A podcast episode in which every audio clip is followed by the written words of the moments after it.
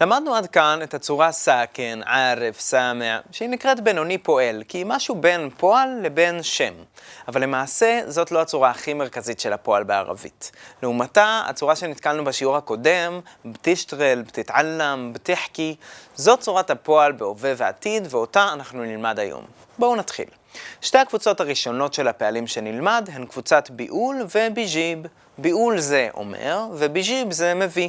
בואו נתחיל מהראשון, ביעול. שימו לב כמובן שאני הוגה את האות כ' כמו א', כמו בלעג העירוני הירושלמי. אז תסתכלו על הטבלה, מה אתם רואים?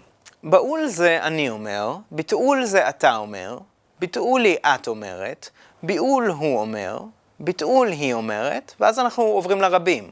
בנעול אנחנו אומרים, ביטעולו אתם אומרים, וביעולו הם אומרים. אז אתם יכולים לראות שיש לנו מין גרעין כזה, כ"ו ל' עול, שאליו מצטרפות כל מיני אותיות. בואו נתעלם רגע מהאות ב', שהיא קידומת שתכף נסביר את המשמעות שלה, ומה נשאר לנו? נשארו לנו האותיות א', י', ת' ונ' שמצטרפות אל הפועל כדי להגיד פשוט באיזה גוף הוא. האותיות האלה נקראות אותיות איתן. זה מזכיר לכם משהו? אני שמח לבשר שהצורה של ההווה עתיד, שתכף נראה גם איך היא משמשת גם לפועל בהווה וגם לפועל בעתיד בערבית, היא למעשה מקבילה לגמרי לצורה של הפועל בעתיד בעברית. תראו למשל את הפועל רץ בעתיד בעברית. יש לנו ערוץ, תרוץ, תרוצי, ירוץ, תרוץ, נרוץ, תרוצו וירוצו. זה ממש דומה, כמו שאתם רואים, לעול, תעול, תעולי, ייעול, תעול, נעול, תעולו ויעולו. אז תזכרו את החוק, אותיות איתן שמצטרפות לפועל בהווה עתיד, בכל הגופים השונים, הן מקבילות בדיוק לאותיות האיתן בצורת העתיד בעברית. בואו נראה רגע הדגמה קטנה. كيف بقولوا بالخليل كيف حالك؟ كيف حالك؟ وكيف انت بتقول؟ أنا بقول كيف حالك؟ اه انت من الخليل يعني אז מה ראינו כאן? שמענו את אחד מהחבר'ה משתמש בביטוי כיף ביעולו, שמשמעותו איך אומרים, ממש כמו הביטוי כיף ביחקו שכבר למדנו בשיעור הקודם. אז ביעולו זה אומרים או יאמרו, עם י' בהתחלה וו' בסוף, ממש כמו ירוצו בעברית. הבחור שם מדגים איך אומרים כיף חלק בחברון, שהיא נקראת אל-חליל בערבית, שם כזה נהוג להעריך את המילים. ואז הבחור השני שואל אותו, ואיך אתה אומר?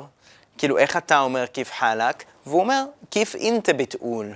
ביטעול זה עם ת' בהתחלה, כמו תרוץ. אז הבחור השני אומר, אנא בעול, אני אומר, ממש כמו ערוץ. אקול או אעול, ערוץ. שימו לב גם שהוספנו את הבית בהתחלה לשלושת הפעלים, וממש תכף נבין מה היא מסמלת. בואו נראה עכשיו את צורת בג'יב, מביא. אני מסתכל על הטבלה. אנא בג'יב, אינטה בג'יב, אינטי בג'יבי, هو بيجيب هي بتجيب إحنا بنجيب انتو بتجيبوا והם בג'יבו. מה קרה עכשיו? למה יש י' במקום ו'? זה סך הכל אומר שהשורש הוא שונה. במקום האות ו' באמצע השורש, אז יש י'.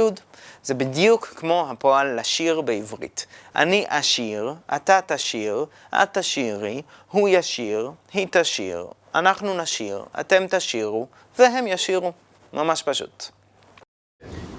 من وين بتجيبي الخبز؟ بجيب الخبز من المخبز ليش؟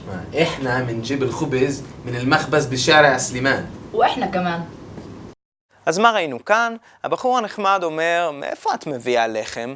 מן ון בג'יבי חובז?